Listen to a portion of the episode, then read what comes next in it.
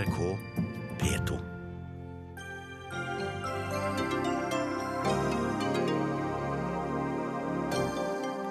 Det går mot avklaring av ny regjering. To eller fire partier.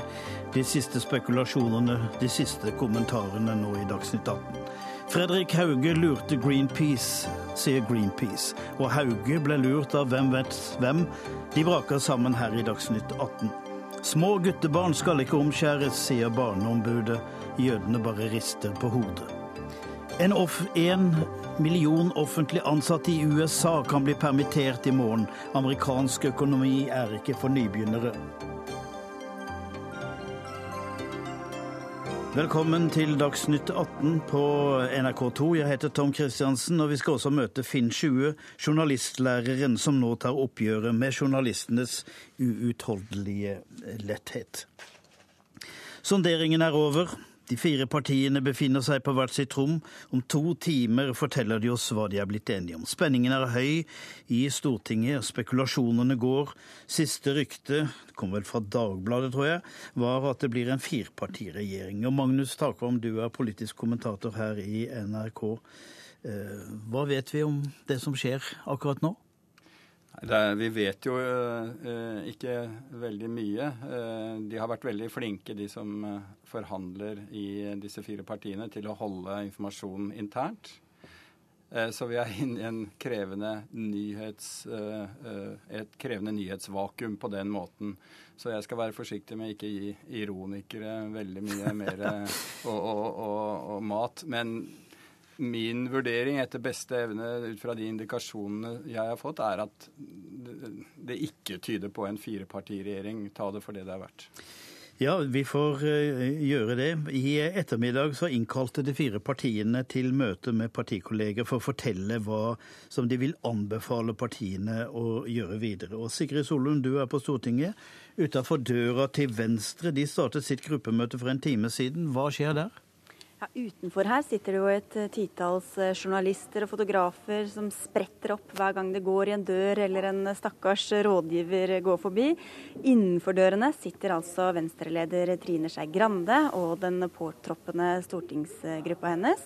Hun kom inn der sammen med dem for en time siden. Da sa hun at hun var fryktelig spent på dette møtet, og at hun trodde hun hadde et klart råd til dem etter å ha sittet i sonderinger da med Kristelig Folkeparti, Fremskrittspartiet og Høyre i to uker.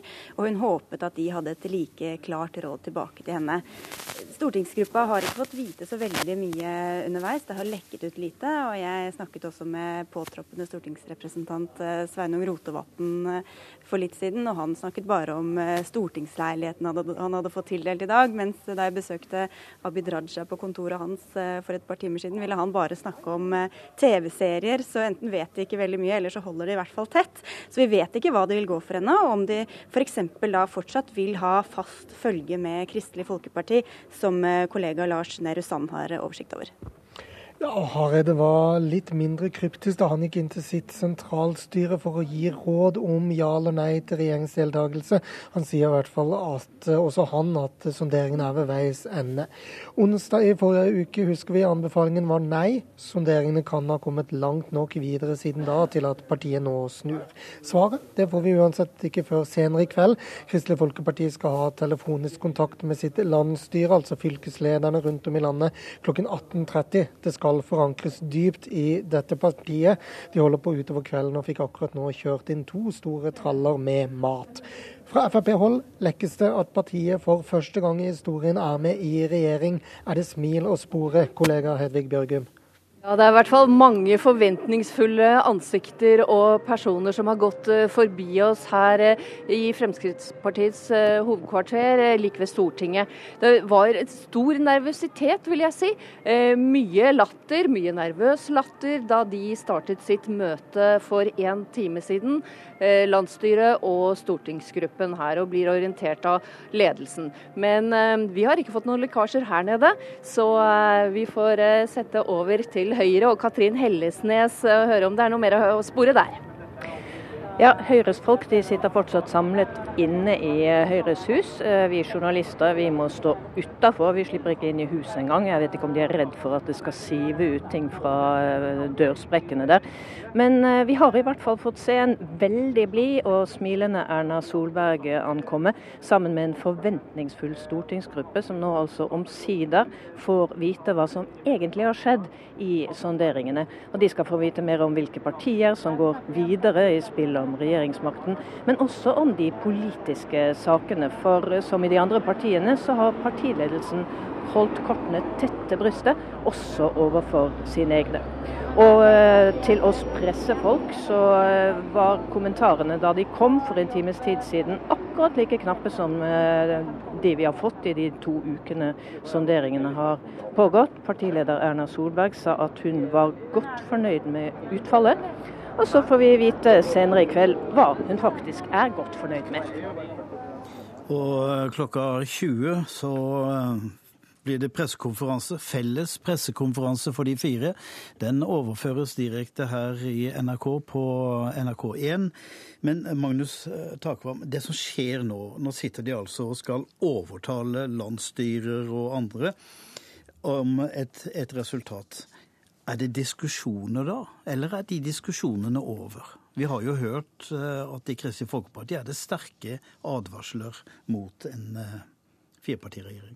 Ja, jeg er sikker på det er diskusjoner eh, internt i disse partiene. Eh, det som er eh, tilfellet, tror jeg, er eh, likevel at særlig da i Venstre og, og, KrF, så tror jeg de to partilederne har såpass stor tillit internt i sine partier at eh, stortingsgruppene og, og sentralstyret, landsstyret osv. vil legge veldig mye vekt på hva henholdsvis Hareide og Skei Grande sier, hvilke råd de kommer med. Men det er klart at de vil måtte gå gjennom politikkområder. Eh, og, det skulle bare mangle at ikke politikere da eh, diskuterer eh, den skissen til, til skal vi si, regjeringsplattform eller samarbeidsplattform som man kommer med.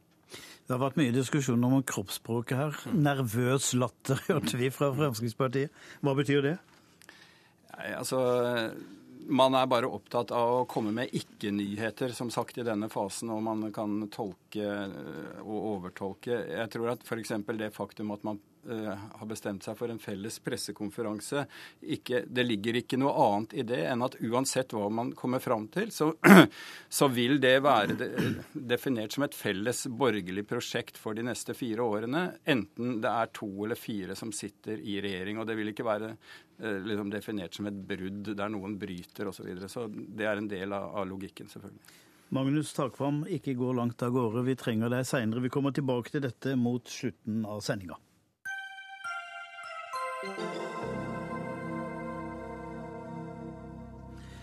Regjeringen har fått sterk kritikk for at renseanlegget for gasskraftverket på Mongstad er blitt skrinlagt. Men hva med Bellona? Bør ikke Fredrik Hauge ta sin del av skylda for dette luftslottet? Og Truls Gullovsen, du er leder i Greenpeace. Det er du som har formulert deg sånn. Hvordan har Bellona lurt både deg og meg og resten av landet? Ja, de har ikke lurt eh, meg. Vi har vært eh, mot dette luftslottet i mange år. Fordi at det er ikke hyllevare, sånn som Bellona mot bedre vilje insisterer på å påstå og har gjort det i over 15 år. Eh, diskusjonen om CO2-fangst og -lagring er, har ført norske klimadebatten inn i ett eneste teknologisk spor, som om det var en hyllevareløsning det bare handlet om å bygge. Sånn er det ikke. For det andre så har debatten eh, ført andre store problemer med seg. Vi har tapt minst åtte år, kanskje 15 år, i klimadebatten i Norge ved at CO2-fangst og -lagring har fått lov til å framstå som en unnskyldning for fossilindustrien til å fortsette business as usual. Men du, du, er, det, er, det, det at dette er veldig komplisert, betyr det at det er et luftslott? Det er så komplisert at det ikke er hyllevare. Og det er det Bellona har insistert på. Dette er bare å bygge. Det er bare å fange den CO2-en. Så kan vi fortsette fossilsatsingen som før. Og Dessverre så er ikke det nok, men det har skjedd. I år etter år, i Norge og i andre land, så har fossilselskaper bygd nye oljefelter, nye gasskraftverk, nye kullkraftverk under en slags unnskyldning om at på et eller annet tidspunkt så vil CO2-fangst og -lagring løse problemet. Og Da er det helt feil analyse, sånn som Bellona har hatt og argumentert for i mange år, at kullindustrien og oljeindustrien er redd for CO2-fangst og -lagring. De er ikke det. Drømmen om CO2-fangst og -lagring er den industriens aller beste venn, for det er en beskyttelse mot fornybarrevolusjonen. Fredrik Hauge, faglig leder i Bellona. Så det var ikke på biltema man kjøpte slike ting? Nei, det har vi ikke sagt heller. La meg bare si dette med forlenget olje- og gassalderen. Hvis vi tar Mongstad, så hadde SV den gangen to alternativer. Kreve rensing eller gå ut av regjering. Hadde de gått ut av regjering, hadde det varmekraftverket blitt bygd uansett. Så den tar jeg ikke helt på meg. Så jeg er ganske stolt av at vi har prøvd. Eh, men jeg er fryktelig skuffet over hvordan det er blitt gjennomført. Jeg fryktet det når vi prøvde, men den som ikke tar risiko, vinner heller ingenting. Og jeg er stolt av den kritiske eh, granskningen vi har gjort hele veien av Mongstad. Vi har bedt Riksrevisjonen granske. Vi har sørget for avsløringen som gjorde at direktøren i Gassnova måtte gå av. Vi har gjort en betydelig jobb. Problemet eh, er ikke om vi ikke får rensing på Mongstad hvis Mongstad skal legges ned. Eh, problemet er hvis det blir stående videre uten rensing. Jeg håper også, som Greenpeace, at vi skal få en stor andel fornybar energi. Virkelig stor andel.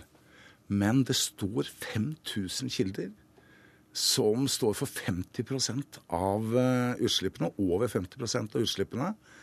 Og det er på en måte selve nøkkelen i verdensøkonomien. Og jeg tror ikke vi klarer dette.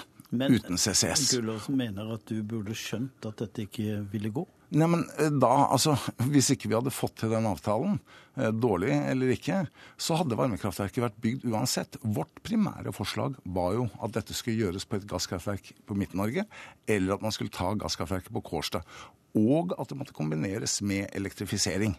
Er du, er, er du blitt lurt på noe tidspunkt? Å ja, men eh, vi har jo prøvd å vise det. Hvem lurte deg, da? Ja? Nei, jeg må si at jeg er eh, rimelig fortvilet over hva SV har holdt på med. Jeg er rimelig fortvilet over hva ikke minst Senterpartiet.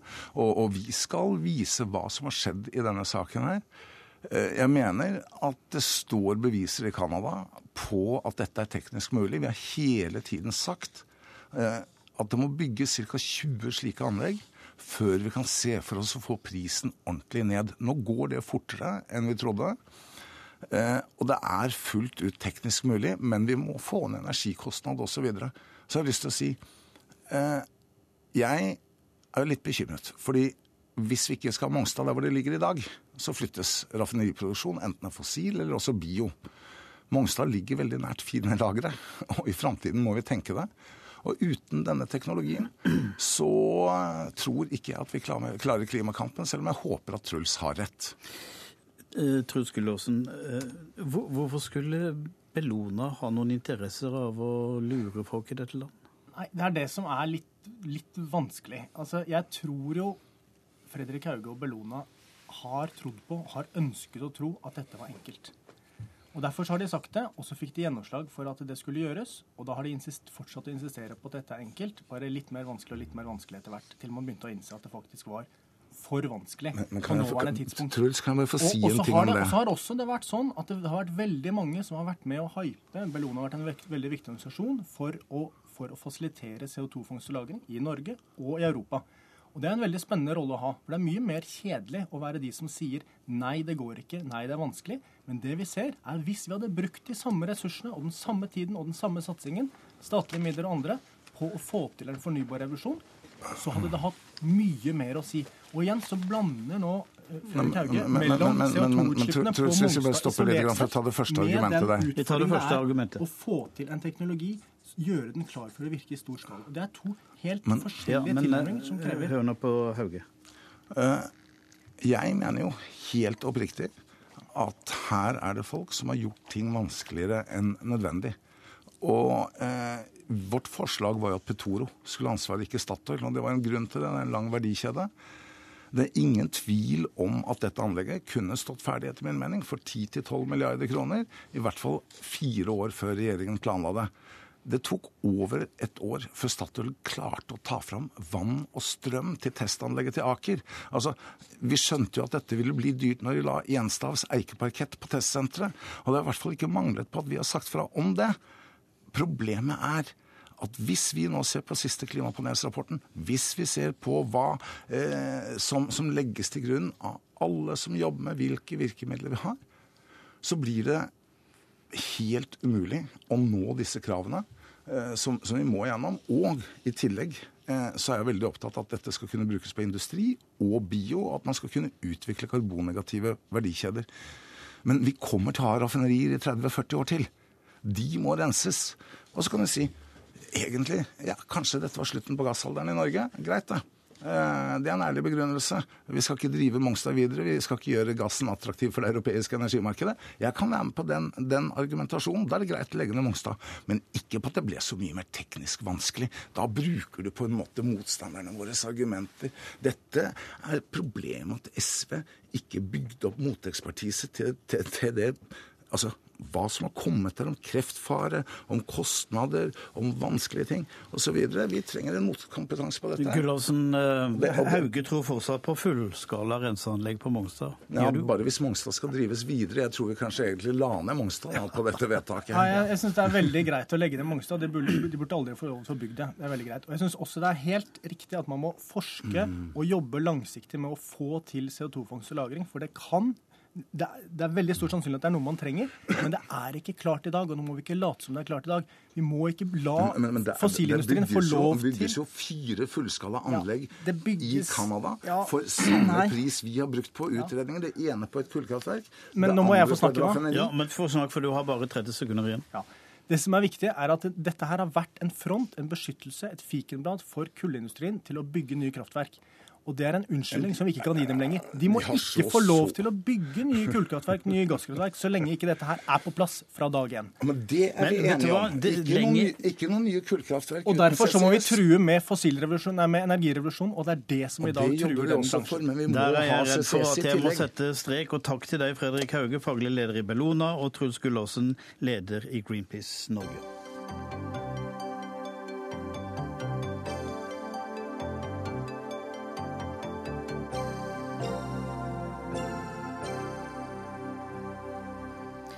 I USA har én million ansatte kan, US, I USA kan én million offentlig ansatte bli permittert om ikke demokratene og republikanerne i løpet av det kommende døgnet blir enige om et budsjettforslag. Meget dramatisk, Anders Tveger, vår USA-korrespondent. Hvor sannsynlig er det at de blir enige eller ikke i kveld? Ja, det ser mørkt ut eh, akkurat nå. Det er ingen som blunker, ingen som gir etter, men de har fortsatt elleve timer og 45 minutter eh, på seg. Akkurat nå så er det pingpong, bordtennis, vi har vært vitne til de siste dagene. Og vi er tilbake til start. Republikanerne de vil gjøre et nytt forsøk på å stanse presidentens omstridte helsereform. Blander det inn i budsjettet og sier at uh, de må uh, legge til krav om vingeklipping eller utsettelse av reformen ett års tid for å støtte et statsbudsjett og, og holde USA AS i gang. Men hva skal til da for å få til dette? Hvor, hvor trykker skoen? Ja, altså Republikanerne er, er, arge motstandere, mener at helsereformen er eh, for dyr for næringslivet, og at reformen også ødelegger for arbeidsplasser og økonomisk vekst.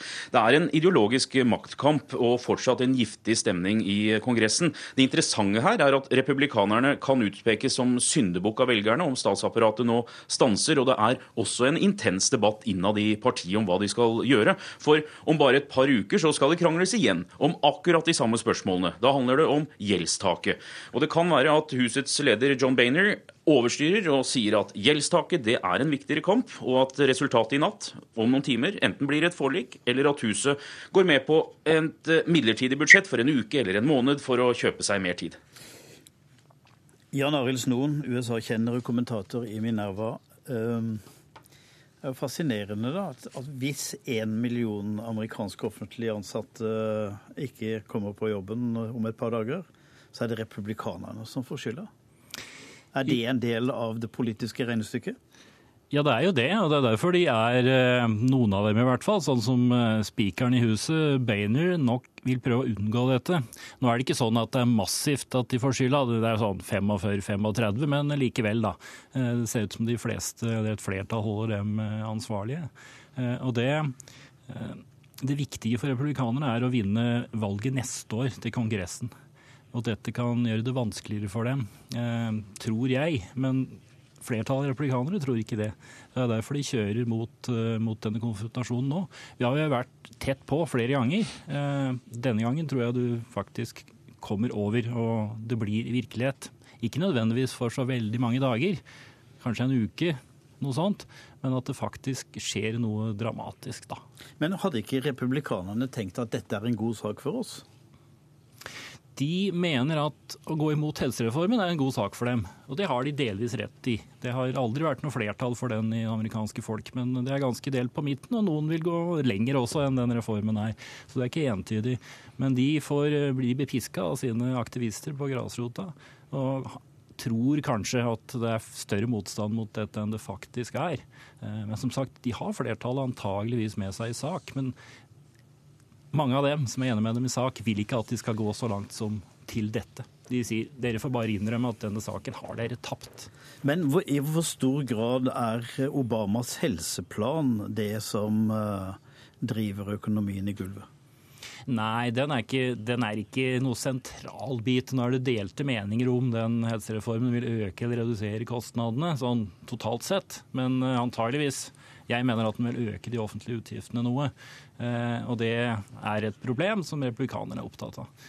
Men dette er, det, er en, det er en viktig sak, for det er en stor del av amerikansk økonomi er helse. Og det er en stor politisk debatt rundt det, men det ligger jo også en underliggende konfrontasjon og mistillit mellom de to partiene. Også i forhold til eh, replikaners forhold til eh, Obama. Anders Tvegård, eh, hvis det går som det kan se ut som at det gjør, hvordan vil den vanlige amerikaner merke dette? Det blir en gradvis stengning av eh, offentlige instanser, og opp mot én million amerikanere kan bli permittert. De fleste holder til eh, her i nabolaget i Washington DC. Utbetalinger av pensjoner kan bli forsinket. Trenger du byggetillatelser, må du vente. Er du turist, så kan du glemme museer og f.eks. Fredsgudinnen i New York og Dyreparken her i DC. Men ikke noe som har med sikkerhet å gjøre, blir berørt. Så politi, forsvar, grensekontroll, eh, post går sin gang, skal fram. Og så kan det jo bli uro i finansmarkedene da, om, det, om dette blir langvarig. og sist stats statsapparatet ikke hadde penger og måtte stenge, var for 17 år siden, og da varte det i tre uker. tre uker, ja. Hvor lang tid vil det vare denne gang? Det vet vel ikke du, men Jeg, du kan gjette. det, det, det, skal en debatt opp nå om, om, om gjeldstaket om et uh, par uker. Uh, her kan det være alt fra noen dager til noen uker. Starter de stengingen, så gjør de det ett minutt over midnatt eh, amerikansk tid. Eh, og, det kommer også til å være en, en kostbar affære å, å, stenge og så starte opp igjen. Eh, det er noe som dominerer nyhetsbildet her nå, og det er klokker på de amerikanske fjernsynskanalene som, som teller ned til fristen. Spørsmålet er jo da om de kan bli enige, komme til et kompromiss, kanskje bare et midlertidig budsjett som skal gjelde for en uke for å kjøpe seg mer tid. Så Akkurat nå så er det helt uvisst. Snoen er sikker på at man kan klare seg uten frihetsgudinne i tre uker, men pensjoner, altså det er andre ting som kan bli veldig alvorlig? Ja, jeg er ikke helt enig med Tvegård der. Eh, pensjonene kommer til å gå, men de aller fleste stønader og sånt kommer til å gå. Men problemet er at de, de nye som skal behandle sakene sine, de kan risikere å ikke få dem behandlet. Så, men hvis dette er en uke eller to, så vil det for de fleste ikke være noe stort problem. Men det finnes jo mennesker som, ikke, som lever fra hånd til munn, eh, og også offentlig ansatte som da ikke får lønna si. Eh, så det vil merkes, og det vil merkes mer over tid.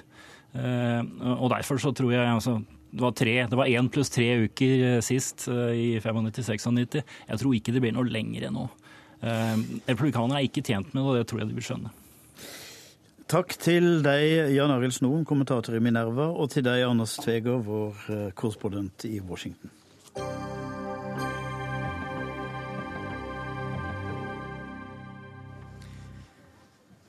Du har sett bildene av livløse barn liggende på et gulv et sted i Syria, ofre for et kjemisk angrep. Kanskje.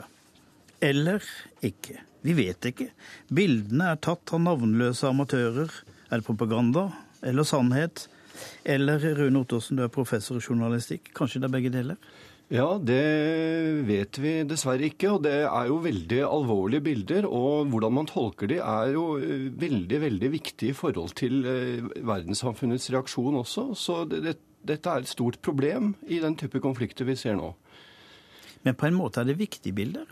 Det er veldig viktig. Vi vet at øh, hvis du hvis du ser hvordan eh, visuelle inntrykk fester seg i folks bevissthet, så er det det man ofte husker en krig for. Eh, den lille piken som løper med napalm på ryggen, det er det vi forbinder med Vietnamkrigen. Den type formative hendelser blir sittende. og de de relaterer seg til emosjonene våre på en helt annen måte. Det, det var derfor... det bildet som snudde stemningen i USA og var begynnelsen til slutten av Vietnamkrigen? Og, og det er ikke tilfeldig. Det er, eh, og de som noen som i gitte situasjoner klarer å, manipulere bilder, kan også da forandre Hva mener du med å manipulere jo, bilder? Eh, la, la, oss ta opptakten til Irak-krigen. Colin Powells visuelle presentasjon i, i, FNs sikkerhetsråd skulle fortelle oss sannheten om masseødeleggelsesvåpen.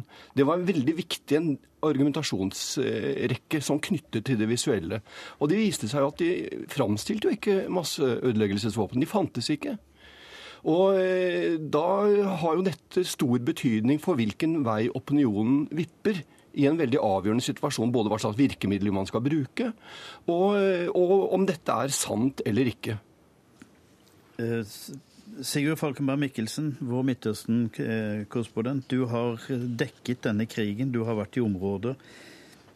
Er dette en YouTube-krig? Ja, altså, jeg syns dette har blitt den, den aller første YouTube-krigen, i og med at det meste vi får av bildemateriale fra eh, de direkte konsekvensene av hendelsene er amatørbilder.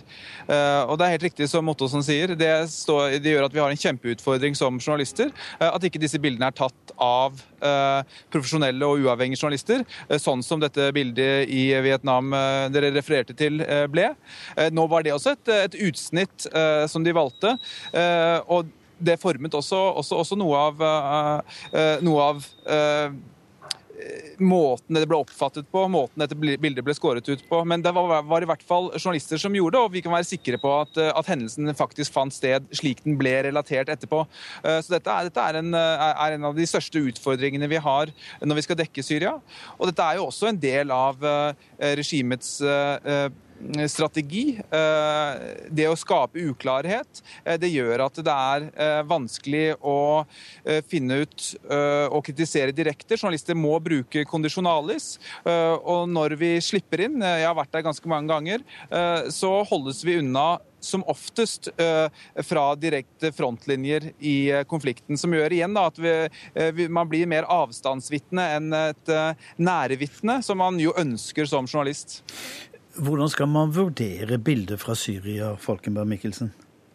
Eh, det er eh, vanskelig. Eh, noe gjøres Altså mye av det som NRK viser, er ofte sjekket først og fremst av utenlandske byråer. Altså Associated Press, det felleseuropeiske kringkastings, kringkastingsselskapene.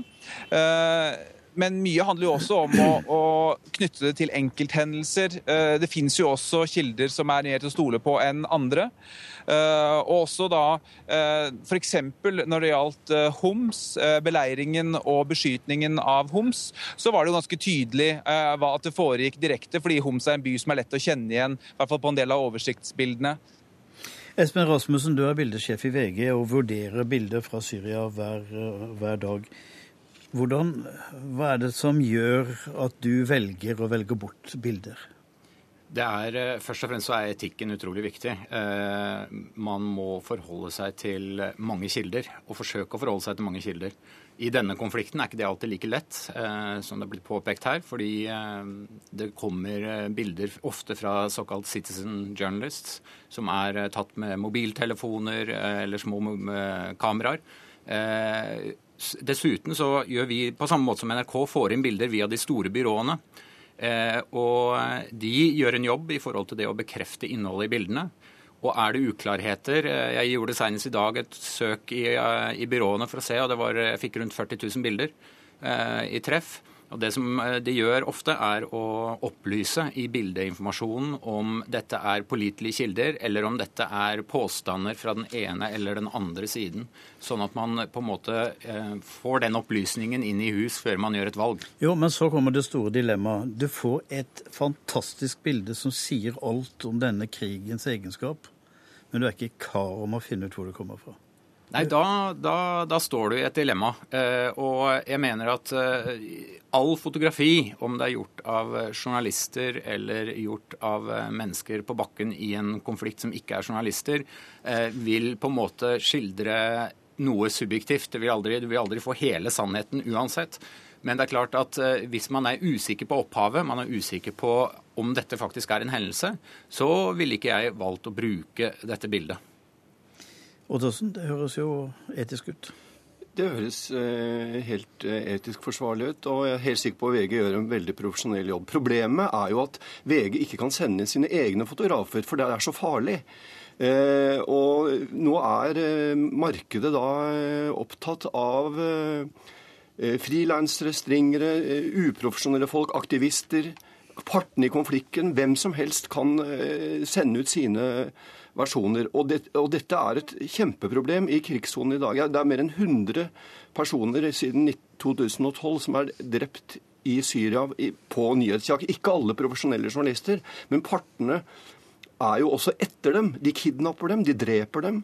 Den amerikanske fotografen Marie Colvin, som jobber for Sunday Times, ble drept antagelig helt med hensikt, fordi hun var fotograf og ville ta bilder.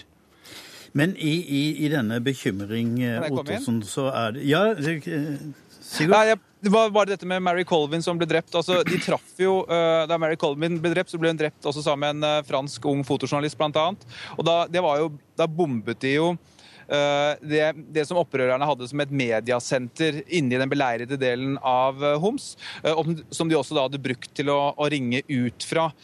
Noe som gjorde at det var mulig å spore opp, som har gjort at mange i hvert fall antar at det var at bombet med vilje. Og, og parallelt, jeg var selv i, i Syria, i Tartus, i Eh, regimekontrollert område og hadde hatt en lang samtale, med havnedirektøren der. og Vi sitter og drikker kaffe, og uh, jeg har lang kjøretur hjem til Damaskus, eller tilbake til Damaskus, og så sier han uh, Men hva, er det du egentlig gjør her? Jeg forklarer at jeg er journalist, og, så, så, videre, og så sier han men, men du er jo et gyllent mål for, for, begge sider. Og det betegner mye av trusselbildet for, for, journalister som prøver å, å, å gjøre en, en, uavhengig jobb i dagens Syria.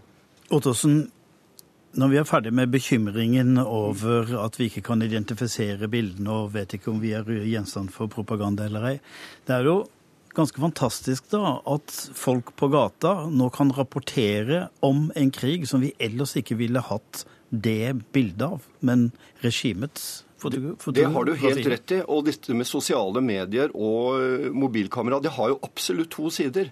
Eh, det er et fantastisk redskap eh, fordi det er ikke noe regime lenger som kan holde skjult hva man holder med. Og der er det visuelle også viktig. Så det, det er helt riktig at du nyanserer dette. Men det er jo likevel et kjempeproblem at vi ikke vet når vi kan bruke det. Otto Rune, Rune Ottosen, professor i journalistikk, Espen Rasmussen, bildesjef i VG, og Sigurd Falkenberg Mikkelsen, vår Midtøsten-korrespondent. Takk skal dere ha. Hør Dagsnytt 18 når du vil på nettradio eller som podkast. nrk.no – dagsnytt 18.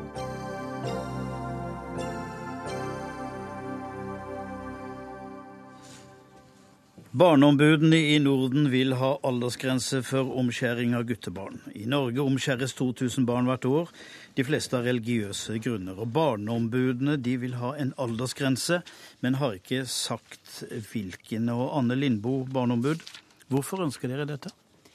Nei, altså Omskjæring av gutter i Norge eh, på små spedbarn det har ingen helsemessige gevinster. Eh, det er smertefullt. Eh, det gir 5 risiko for komplikasjoner, viser en studie som akkurat er gjort på Rikshospitalet i, i København. og Vi mener derfor at dette er et inngrep som guttene selv må få bestemme om de vil gjennomføre. Så vi har anbefalt en, en aldersgrense, for dette er også en irreversibel merking av kroppen som ikke kan gjøres tilbake. Vi har fått tilbakemeldinger fra en del gutter som forteller at de skulle ønske at de hadde fått bestemme dette selv. De vil ikke dusje, de vil ikke um, delta i sportsaktiviteter som andre gutter fordi de ikke føler seg hjemme i den Men det er jo mange som gjør dette av religiøse grunner. Mm. Vurderer du ikke det?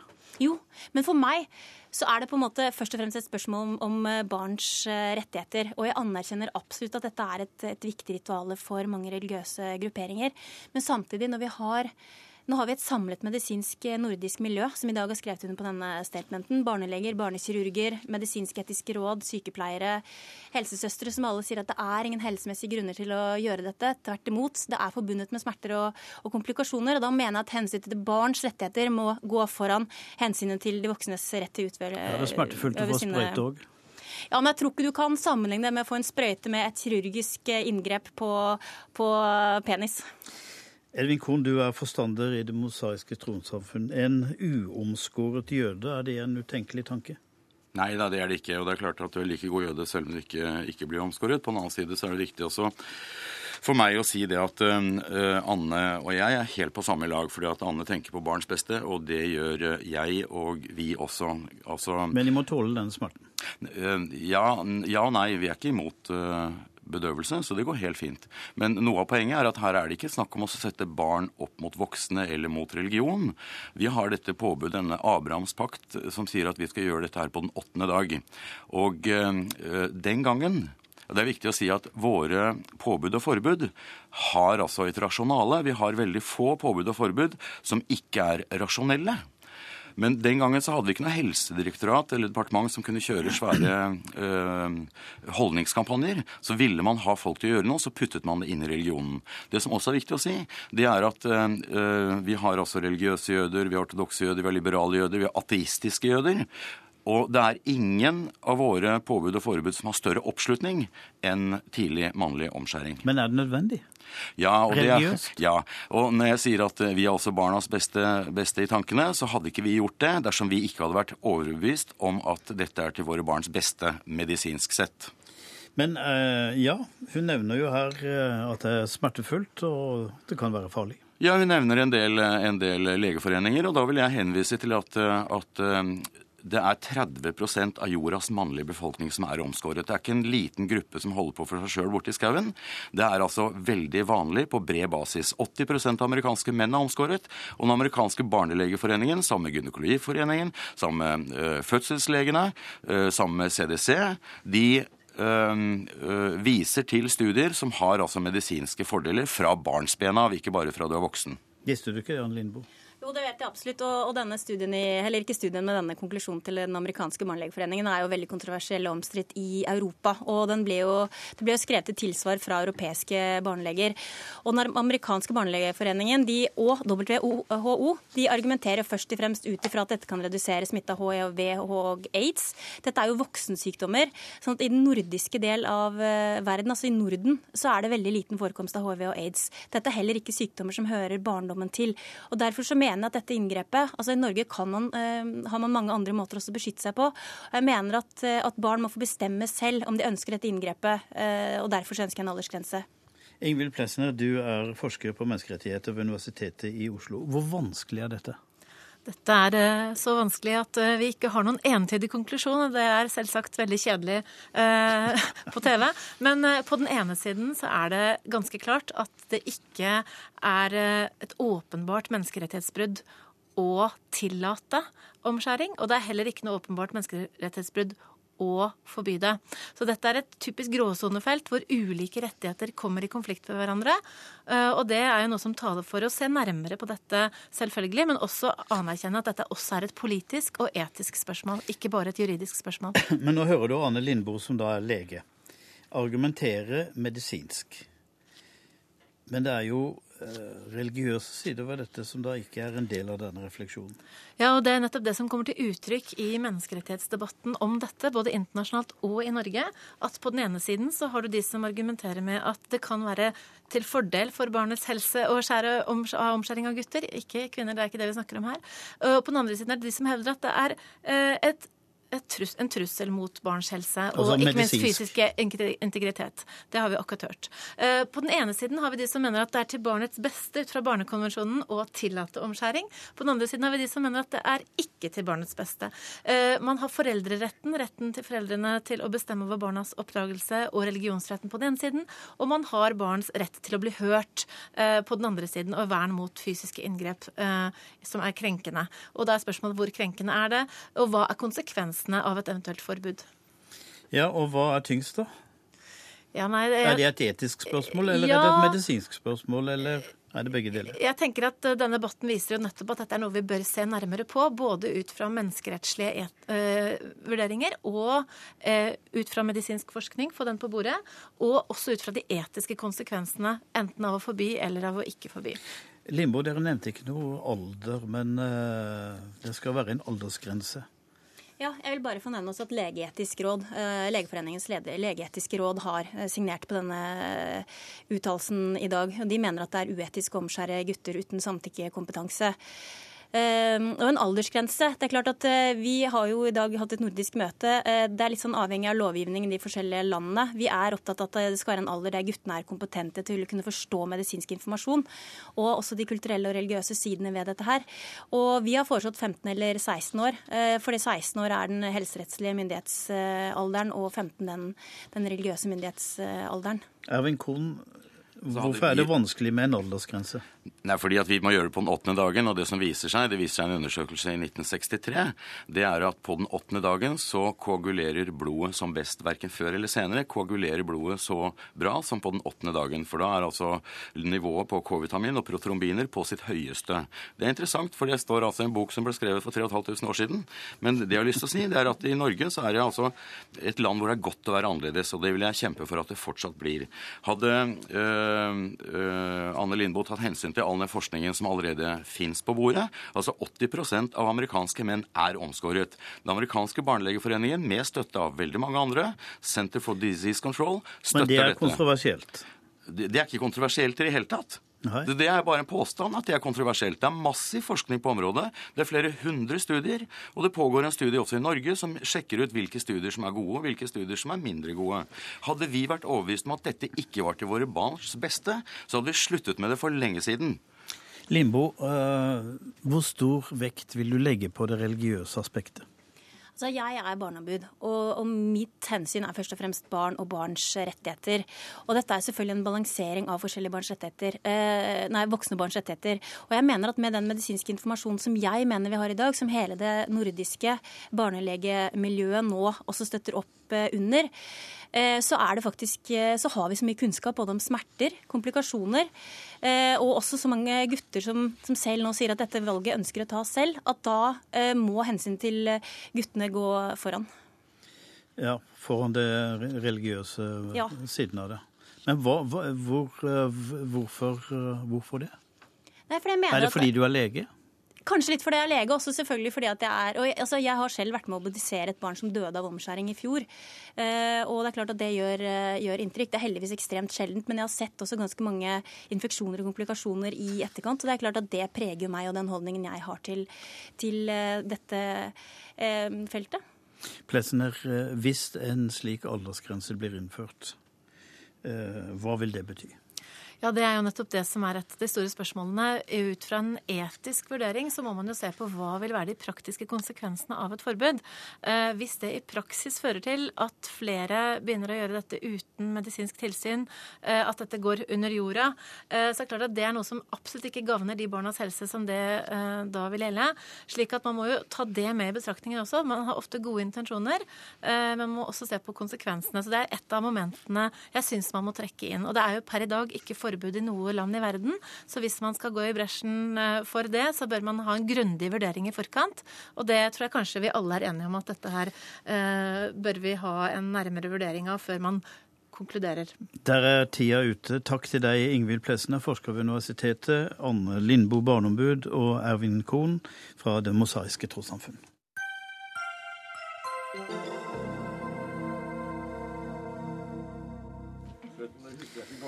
Velkommen i studio, Finn Sjue.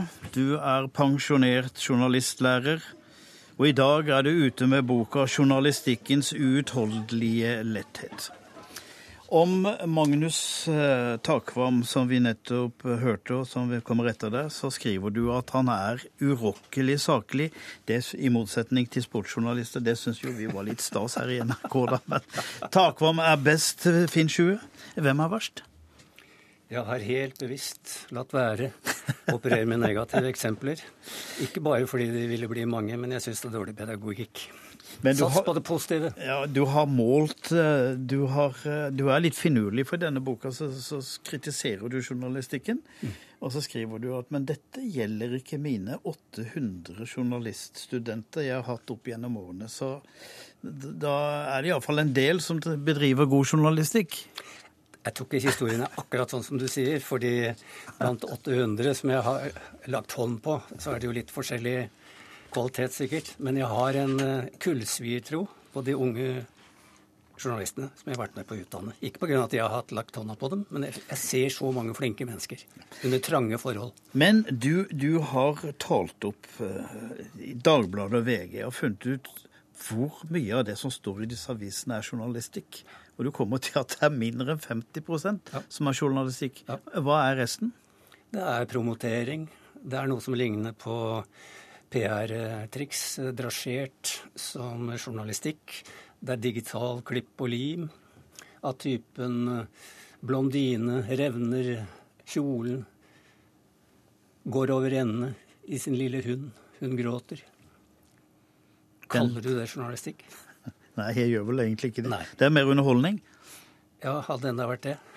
Vel, altså jeg skal ikke være smaksdommer, men jeg orker ikke den uh, den flodlette strømmen der. Men du bruker uh, mye, mye, flere sider her til å beskrive det du kaller klipp og lim med journalistikk. Ja. Hva blir konsekvensen av at journalister nå bare kan klikke og, klikke og lime? Jeg tror det får store konsekvenser. Hvis vi nå skal bare ta et bakteppe, nemlig denne digitale situasjonen, det store paradigmeskiftet, hvor den nye teknologien har kommet inn, som har ført til, og vi får håpe over mange ledd der, at masse journalister blir sagt opp. Og så sitter relativt få igjen, og de skal gjøre dobbelt arbeid. Både skrive for nett og for papir, hvis vi nå tenker på aviser og mange andre steder. Midt oppi dette skal de prøve å bruke hodet og de får et press og press og press. Og da ser jeg, jeg tror ikke jeg overdriver, at det klikkhysteriet, som jeg kaller det, blir mer og mer viktig. En blir mer og mer opptatt av, iallfall i ledelsen. Så samme storyen går igjen overalt? Samme storyen går igjen overalt. Og for å fylle de store sendeflatene, for å si det sånn, så må en rett og slett klippe og lime og gjøre det så enkelt som mulig. Og dette er hjernedøvt. Unnskyld at jeg sier det. Ja, det, er blitt, det er blitt sagt at journalister skal skille Clinton fra hveten, og så trykker de Clinton. Ja. Det er, det er det vi snakker om. Men det som gjør dette ekstra alvorlig, syns jeg, da Jeg er ikke noen mørkemann. Jeg er ikke surmaga engang etter 70 år. Det er at uh, nå har vi i mange år snakket om digitale kriser, og dette går verre og verre. Hva gjør vi, hva gjør vi? Redaktørene har håpet på, og eierne har håpet at de skal gå på vannet. Altså ikke ta betaling for det. Det er helt døvt. Det går ikke. Det går til H. Men dette kobler seg inn i det som jeg ser på som en mye mer langvarig krise. En etisk, moralsk krise. Nemlig, unnskyld at jeg sier det så enkelt, manglende elementær folkeskikk. Det, men, det, men du, du, har jo en fortid i Klassekampen. Ja. Hvordan, hvis du skal legge ditt etiske filter over ML-journalistikken, hva kommer du fram til da? ja, da kommer jeg fram til mye. Jeg kan ta det lille positive først, som var en del. Vi klarte faktisk på 70-tallet å gjennomføre en del store avsløringer av militær overvåking, av politisk lovlig aktivitet. En rekke sånne ting. Det er jeg stolt av fortsatt, ja. Det var en del fornuftige ting i tillegg. Men så var det forferdelig mye papegøyejournalistikk i forhold til Kina, Albania, glansbilder, you name it. Så jeg setter jo ikke det opp som, som ideal i dag. Men det er fantastisk avisa Klassekampen har blitt det den er i dag. Men du, hva, hva er bra i norsk presse, da? I... Nå har vi nevnt Magnus Takvam, han får, eh, han får hvile litt nå på laurbærene. Det varierer veldig. Jeg mener f.eks. Og jeg, jeg, vil ikke la NRK hvile, fordi der er det mye bra. Det er en stor institusjon, bare oppfattet som en verna bedrift. Der drive, Å ha en Steinfeld i Moskva er jo en sann gave. Sånn kan vi fortsette. Det er faktisk utenrikspolitikk der som blir dratt inn av dere, osv., osv. Og, og vi finner gode kommentatorer, og vi finner journalister som får til god pregjournalistikk, som vi kan kalle det. Altså gode intervjuer. En moderne, mer seriøs Anna i ødemarka som griper folk og lærer oss om de lange linjene. Det er masse sånt, men det er dette fortvila at jeg syns det brer om seg med dette flolette. Og hvis jeg kunne bare hive inn én sak til, ikke bare på Nemlig hva er symptomene? Det er ikke bare klikkvesen. Og slik får du perfekt avføring, ikke sant. Det er, det er ikke bare det. Ja, det sto i Dagbladet, det. Ja, ja, ja, visst er det det. Men det er når journalister beveger seg ut over andre områder som politikk, økonomi, korrupsjon, you name it, så skjer det noe. Innholdet er flortynt. En jakter på den store saken. En finner den ikke, men gir den en dramaturgi som, som, som gir skinn av at den har funnet noe stort. Når en, vi, når, en, statsråd må gå fordi hun ikke har sendt inn en eh, søknad på ei lita brygge i Østlandet, pluss litt til Altså, hun skulle henges ut i en viss forstand. Ja, nyhet. Men tredje verdenskrig, å gå et, måtte gå etter ti dager, det er meningsløst. Dette er alarmisme. Og nå har vi i 14 dager toppdekket uh, sonderingene uten å ha noe å fortelle.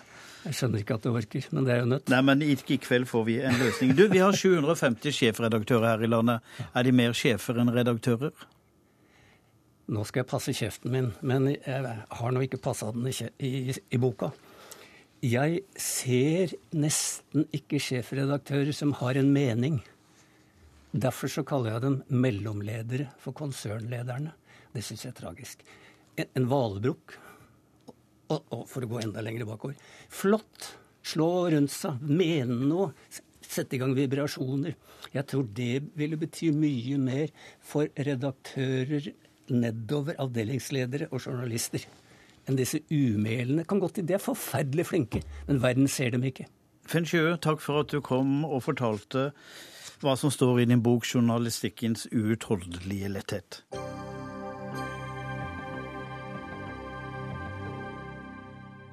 Om en eh, drøy time vil vi få vite hva Høyre, Frp, Venstre og Kristelig Folkeparti er blitt enige om. Blir det en regjering med fire partier eller ikke? Hvem går videre til regjeringsforhandlingene? Og Magnus Takvam, politisk kommentator fortsatt her i eh, NRK, og skamrost av Finn 20 nylig. Har det skjedd noe siden sist vi snakket sammen?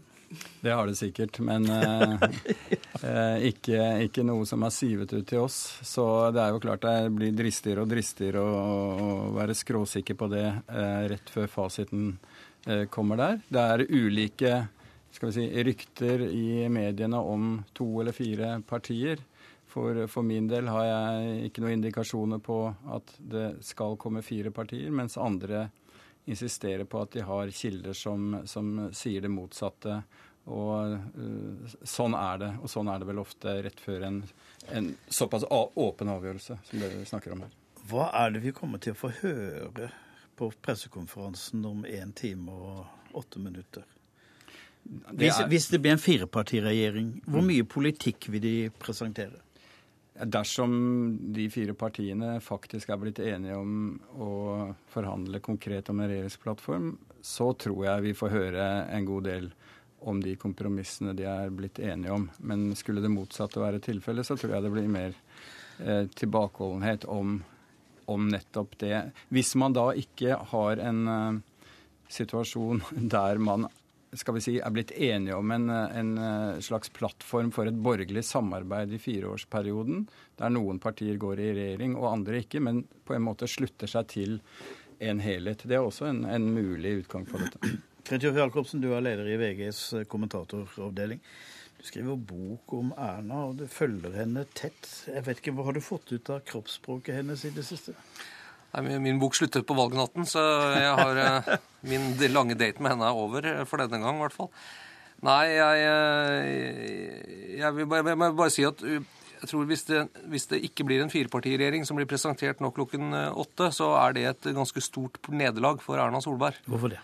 Fordi at hennes, en av hennes store politiske prosjekter eh, siden 2009, eh, da eh, valgseieren glapp i borgerlig kaos, tror jeg man kan si, var å bygge en eh, felles borgerlig plattform med de fire partiene. Det kom hun ganske langt med. Så langt at det var ikke noe tvil om det borgerlige samholdet. Eh, og at et, en, et borgerlig flertall vil gi en borgerlig regjering, noe som i og for seg var ganske eh, en politisk bragd av Høyre og de tre andre partiene. Og målet hennes har hele tiden vært å samle de i, også i en felles regjering, for det vil selvfølgelig bli en mye sterkere borgerlig plattform inn mot valget i 2017. Og det vil også gjøre antageligvis hennes regjeringsarbeid noe lettere. Så klarer hun ikke det, så, så, det, så begynner ikke dette på noe veldig sånn fest, feststemning for Høyre. Det har ikke vært noen lekkasjer underveis, så, så å si. Tyder det på stor tillit blant dem som forhandler? Kan man tolke det dit hen at de finner veien? Ja, har, litt lekkasjer har det jo vært. Eh, men eh, det har alltid vært litt sånn uvisst hvor gode de er, og hvor tette de er på. Dette har jo vært eh, partienes øverste ledelse, da. Egentlig bare tre fra hvert parti som har sittet sammen.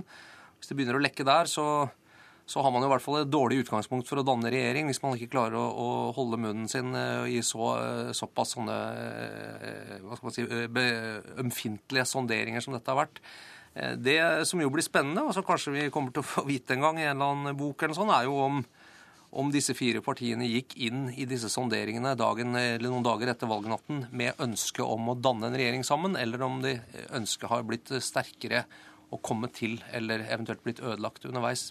Mye tyder jo på for meg, da, med måten de gjorde dette på, å gjøre det i offentlighet, ha felles pressekonferanse med de fire borgerlige partilederne eh, ute i Nydalen, altså gjøre disse tingene, på at eh, så lenge de i hvert fall sitter sammen og viser seg sammen, så viser de jo en slags form for regjeringssamarbeid. Så får vi se om dette holder hele tiden. Åshild Mathisen, du er redaktør i Vårt Land. For noen år siden var det utenkelig at Kristelig Folkeparti skulle eh, ta Fremskrittspartiet handa. Nå er det kanskje på vei inn i en regjering, men det er jo voldsomme reaksjoner i partiet mot den tanken. Mm. Hvor vanskelig er det? Det er så vanskelig at hvis det skulle skje, så vil vi se et helt nytt KrF. Og vi vil se en partileder som er nødt til å skape seg sjøl en helt ny plattform. Eh, der han eh, finner et eh, annet ståsted enn altså, de, de, de, som har vært mest tett på han, eh, der han, når han har vært i Bondevik II-regjeringa f.eks., og sett hvor vanskelig det var for KrF å samarbeide med Høyre. Gått i seg sjøl, hatt sin egen havarikommisjon og funnet ut at det, er altså, smertelig for KrFs profil å samarbeide med Høyre. Dette var Hareide med på. Han så hvor vanskelig det var. Det betyr i hvert fall at han ikke kommer til å eh, bare ta til takke med noen hjertesaker og så på en måte la de tunge økonomiske spørsmålene rulle og gå. Han vet at det smerter KrF hvis man ikke har kommuneøkonomien på plass, f.eks. Jeg har ikke sett så... noen begeistring i Kristelig Folkeparti for dette prosjektet noen steder. Nei. Eh, det som jeg, på en måte, Hvis jeg skulle tolke hva som peker i retning av at det kunne vært de fire satsa ned og fikk til noe sammen, så er det at man har sittet i opposisjon så lenge og er lei av å sitte og på en måte dyrke sin verdipolitikk og, og ikke på en måte være i regjering og faktisk fornye seg gjennom å, å lage politikk. Og som en eh, høyt oppe i partiet sa jeg kunne skrevet under på det brevet, altså det brevet som disse nestorene sant, skrev mot Frp. Jeg kunne, kunne skrevet under på det brevet. Men eh, det, det, kan hende vi er nødt til å se på muligheter for å skape politikk eh, for å fornye KrF. Altså Målet til de som er rundt Hareide, er å fornye KrF. Hvis han i dag går inn for en firepartiregjering, så, eh, så er det en helt annen type fornyelse vi vil se enn den eh, han har stått for til nå. Et nytt parti, altså. Ja, en ny altså det, partileder. Det, er jo det, måte, det skulle være den sosiale profilen som skulle gjøre KrF bredt. Og eh, har man fått til det sammen med Høyre og Frp, så vil i hvert fall det overraske meg. Magnus Takvam, eh, det har hørtes ut i alle kommentarene disse to ukene som at det er Høyre som må gi fra seg ditt og datt og ditt og datt, mens det er Venstre og Kristelig Folkeparti som kan få inn ditt og få inn datt. Er det et riktig bilde av eh, forhandlingene? Altså, Høyre sitter jo som en slags eh, megler i midten som har, eh, har, en åpenbar interesse av å få alle fire partiene med seg. og Det er vel i den forstand man, man skal vi si, snakker om at da, for å få bl.a. Venstre og KrF med, så må de få betydelig gjennomslag. Disse to partiene har hele tiden sagt at det er politisk gjennomslag som avgjør det hele. Og da må si, deres mindretallsstandpunkter, som ikke har flertall eh, i Stortinget, få gjennomslag. Og det er vel det, det man tenker på her. Takk skal dere ha, Åshild Mathisen, redaktør i Vårt Land, Magnus Takvam, politisk kommentator i NRK, og Fridtjof Jacobsen, leder i VGs kommentatoravdeling. Ansvarlig for sendinga, Sara Victoria Rygg. Teknisk ansvarlig, Hanne Lunås. I studio, Tom Kristiansen. Hør flere podkaster på nrk.no podkast.